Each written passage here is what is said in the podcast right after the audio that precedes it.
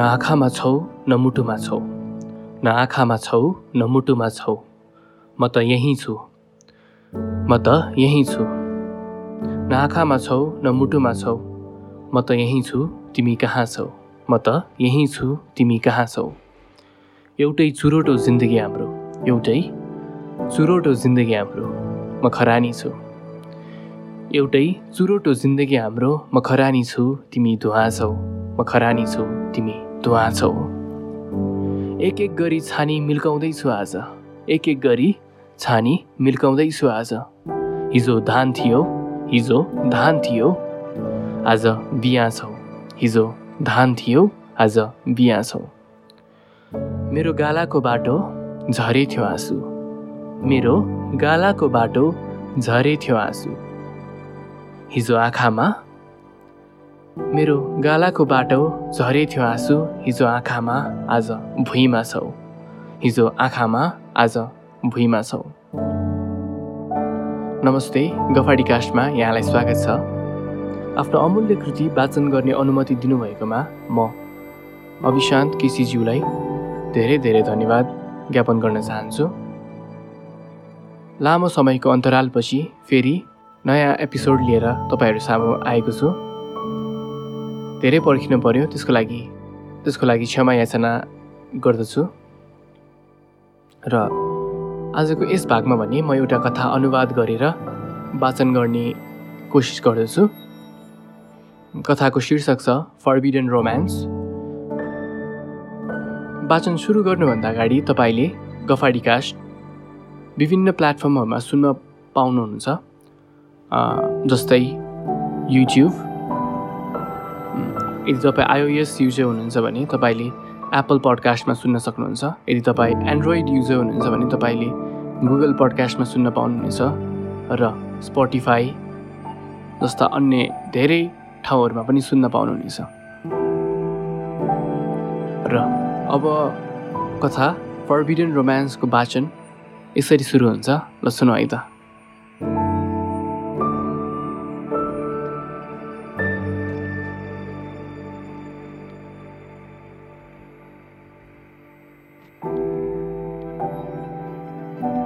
उसले उनलाई पहिलोचोटि अफिसको रिसेप्सनमा देखेको थियो। अलि बढी तलब र ज्यादा सुविधाको लागि आफ्नो पुरानो जागिर छोडेर अकाउन्ट डिपार्टमेन्टको म्यानेजर भएर अफिसमा जागिर खान लागेको थियो। अफिस समयभन्दा चाँडै आएर औपचारिकता पुरा गर्न ऊ रिसेप्सन अगाडि बसिरहेको थियो। ऊ हताश थियो तर उसले रिसेप्सनिस्ट देखिहाल्यो। काली हिस्सी परेकी सर्लक्क परेको लामो कपाल उनको अपरम्परागत रूपले उसलाई मोहित पारिसकेको थियो। उनको रूपबाट उसले आफ्नो आँखा हटाउन सकेको थिएन। यद्यपि कालो छाला भएकाहरूलाई इन्डियामा अझ पनि हेएको दृष्टिकोणले हेरिन्थ्यो। तर त्यो केटीले आफ्नो आत्मविश्वासलाई अधीनमा लिएकी थिए र त्यसैले नै उनलाई अद्वितीय आकर्षण दिएको थियो। उनको चलायमान जुडाल गाडा खैर आँखा र मन्द मुस्कानले हरेक मानिस जो रिसेप्सनबाट आवत जावत गर्छन् उनीहरूलाई सोधपुछको लागि रोक्न बाध्य गर्थ्यो र यत्तिकैमा मधुर आवाजले त्यो केटाको ध्यान भङ्ग गराउँछ। राकेशजी औपचारिकता पुरा गर्न कन्फरेन्स रुममा सरले तपाईँलाई कुरिरहनु भएको छ। तपाईँ भित्र जान सक्नुहुन्छ। रिसेप्सनिस्टले मिठो स्वरमा भनिन्। आँखा झिमिक्क पनि नगरी रिसेप्सनिस्टलाई ऊ हेरिरहेको हुन्छ र त्यसपछि हत्त नपत्त लजित भएर बसेको ठाउँबाट उठ्छ। औपचारिकताहरू सकिएपछि उसलाई भोलिबाट काममा आउनु र अहिले जानु भनेर निर्देशन गरिन्छ। ऊ फर्किने बेलामा खाजा खाने समय भएको थियो। उसले रिसेप्सनमा हेर्छ तर रिसेप्सनिस्ट त्यहाँ हुन्न। उसले केही बेर त्यहीँ कुर्छ र त्यसपछि अप्ठ्यारो मान्दै घर जान्छ। अर्को दिन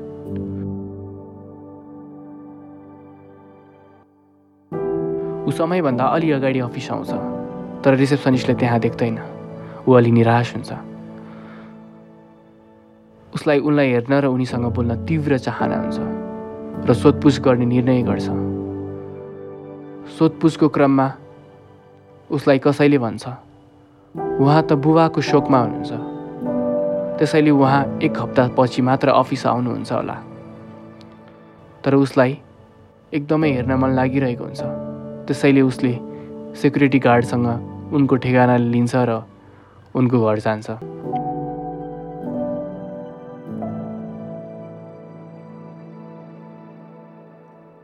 जब ऊ त्यहाँ पुग्छ उसले ठुलो भिड र पुलिसको भ्यान पनि देख्छ। ऊ आश्चर्यचकित हुन्छ। गोप्य रूपमा उनलाई भेट्न ऊ कुरिरहन्छ। भिड घटिसकेपछि ऊ जान्छ र उनीसँग भेट्छ। म राकेश हिजो भर्खर तपाईँको अफिसमा काम गर्न आएको। तपाईँले मलाई चिन्नुहुन्छ कि हुन्न? तर म औपचारिकता पुरा गर्न रिसेप्सन अगाडि बसिरहेको थिएँ नि। बिहान मात्र तपाईँको बुबाको बारेमा मलाई थाहा भयो र म यहाँ संवेदनाको लागि आएको। राकेशले हिचकिचाउँदै भन्यो। राकेशजी मैले तपाईँलाई चिने आउनुभएकोमा धेरै धेरै धन्यवाद। उनले सदाको जस्तै मन्द मुस्कानले भनिन्।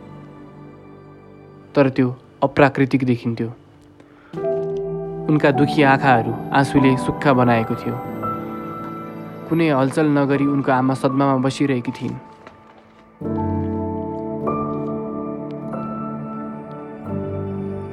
राकेशले त्यहाँ एकदमै अप्ठ्यारो महसुस गर्छ र केही बेर बसेर ऊ बिदा हुन्छ। तर उसको मनमा अनेकौँ विचारहरू खेलिरहेको हुन्छ। ऊ केवल उनको बारेमा मात्रै सोच्छ। र त्यो सोचबाट ऊ बाहिर आउन सक्दैन। उनको तिलस्मी आँखाहरूले उसलाई सम्मोहित पार्छ। समय बित्दै जान्छ। उनको रहस्यपूर्ण रूपमा ऊ झन् झन् आकर्षित भएर कमजोर हुँदै घुँडा टेक्न बाध्य हुन्छ र अन्त्यमा एक दिन उसले विवाहको प्रस्ताव राख्छ। अनि उनले भन्छन् तर राकेश तिमीलाई मेरो बारेमा केही पनि थाहा छैन। तिमीले मलाई यो अफिसको रिसेप्सनिस्टको रूपमा मात्रै चिन्छौ। त्योभन्दा बढी तिमीलाई केही पनि थाहा छैन। तिमीले राम्रोसँग नचिनेको मान्छेलाई विवाह गर्न कसरी सक्छौ? रोजी मलाई थाहा छ म तिमीलाई प्रेम गर्छु र तिमीले यति जान्ने पुग्छ। अरू कुराहरूले मलाई फरक पार्दैन। आज बेलुका तिम्रो आमासँग तिम्रो हात माग्न तिम्रो घर आउँछु। ऊ आश्वासनपूर्वक मुस्कुराए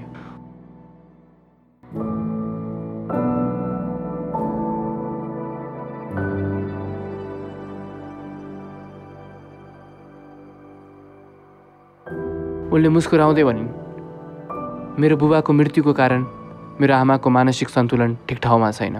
त्यसैले उहाँले साधारण व्यवहार नदेखाउन सक्नुहुन्छ। It's okay I understand and I will take care of her भन्दै परिस्थितिलाई सम्हाल्न उसले रोजीलाई अँगालोमा बाँध्छ।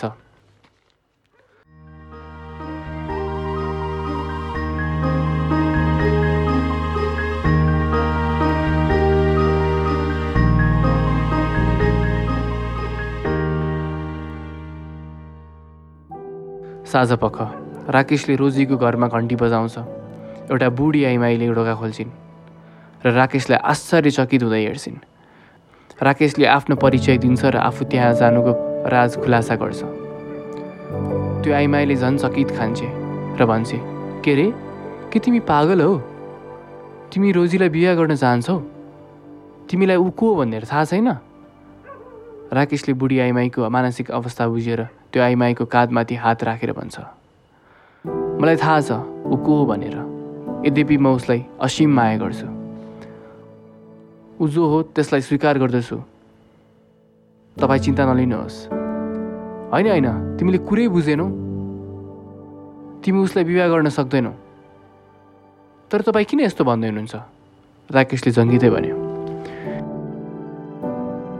किनभने म केटीको आवरणमा बसेको एउटा केटा हो र मलाई केटाहरूको तातो रगत खान एकदमै मनपर्छ।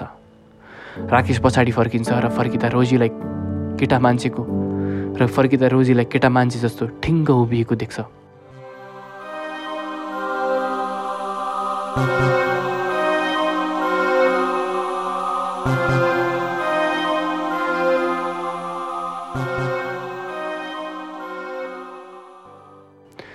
रोजी आफ्नो हात पछाडि राखेर उसको नजिक जान्छे र आफूले लुकाएको चम्किलो धारिलो चक्कुले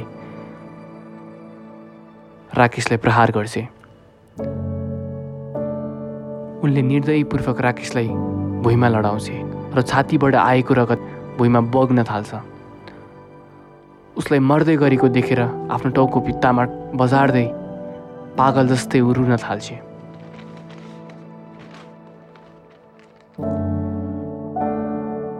त्यही चक्कुले आफ्नो बुबा र भाइलाई पनि त्यसरी नै मारेको रोजीको आमाले खुलासा गरिन्। तर त्यो बेलामा प्रहरीलाई विभाजित व्यक्तित्वको व्यवहार स्प्लिट पर्सनालिटी डिसअर्डर भनेर विश्वस्त बनाई सफाइ दिएको थियो र अब फेरि यस्तो भयो। तर उनी आफ्नो आत्मविश्वास र उत्तम अभिनयबाट जो कोहीलाई पनि विश्वस्त पार्न सक्थिन् यतिन्जेलसम्म सुनेर साथ दिनुभयो। धेरै धेरै धन्यवाद। त्रुटिहरू सच्याउन तपाईँको सल्लाह सुझावको अपेक्षा गर्दछु। तपाईँले गफाडीकास्ट विभिन्न माध्यमहरूबाट सुन्न सक्नुहुन्छ।